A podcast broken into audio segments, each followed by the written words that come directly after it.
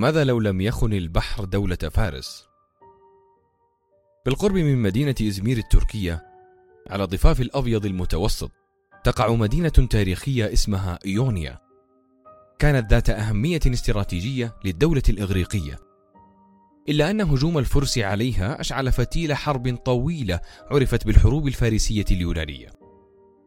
أخذت الحرب جولات كر وفر وأحداث عظام. وفي بعض الأحيان أحداث أغرب مما نتخيل. فهل كنت تتخيل أن أحد ملوك فارس قرر معاقبة البحر وجعله عبرة لغيره من المحيطات والبحار؟ معكم محمد مكاوي وحلقة جديدة من بودكاست على رقعة التاريخ. سنة 484 قبل الميلاد تم إعلان خشايا رشا ملكا لدولة فارس. وبعد مضي عام واحد فقط قرر الرجل أن يغزو الدولة اليونانية في عقر دارها. كانت هذه الحرب انتقاما لهزيمة فارس قبل سنوات على يد الإغريق. تعددت أسباب الهزيمة إلا أن أبرز أسبابها هو البحر. فلم يستطع الفرس عبور مضيق الدردنيل لسنين عدة.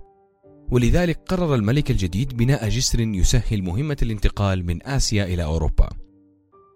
باشرت جيوش فارس العمل مباشرة على بناء هذا الجسر.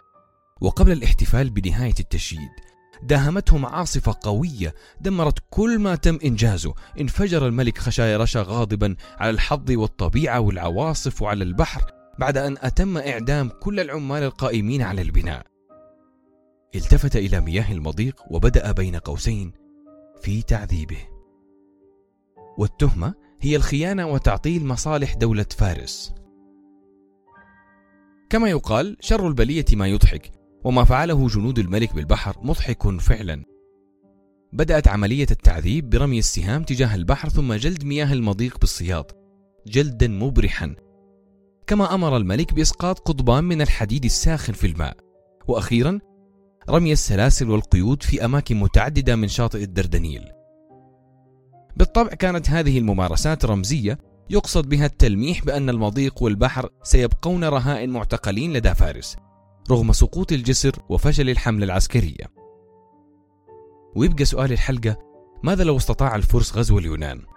بالتأكيد حيتم تصدير الثقافة الفارسية إلى اليونان بل إلى أوروبا كلها ولا اختلف العمران الأوروبي واكتسى بلمحة شرقية ولما بني البارثيون أو المعبد اليوناني الشهير والذي استقت منه الدولة الرومانية بعدها تصاميمها وأذواقها ومن المؤكد أن أشعار هوميروس والمسرح اليوناني والآداب والطروادة كلها حتختفي وتحل مكانها الآداب الفارسية الروحانية في الغالب.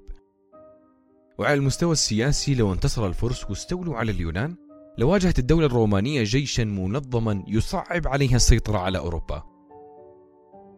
ما حصل في الواقع أن الروم واجهوا عدوا هزيلا على شكل دويلات صغيرة مقسمة سهل دحرها. وأخيرا لو لم تهب تلك الرياح العاتية التي أفشلت تشييد الجسور على مضيق الدردنيل فمن الممكن أن لا نسمع كثيرا من الأشعار التي تنسب للبحر صفة الغدر والخيانة. وفي أمان الله.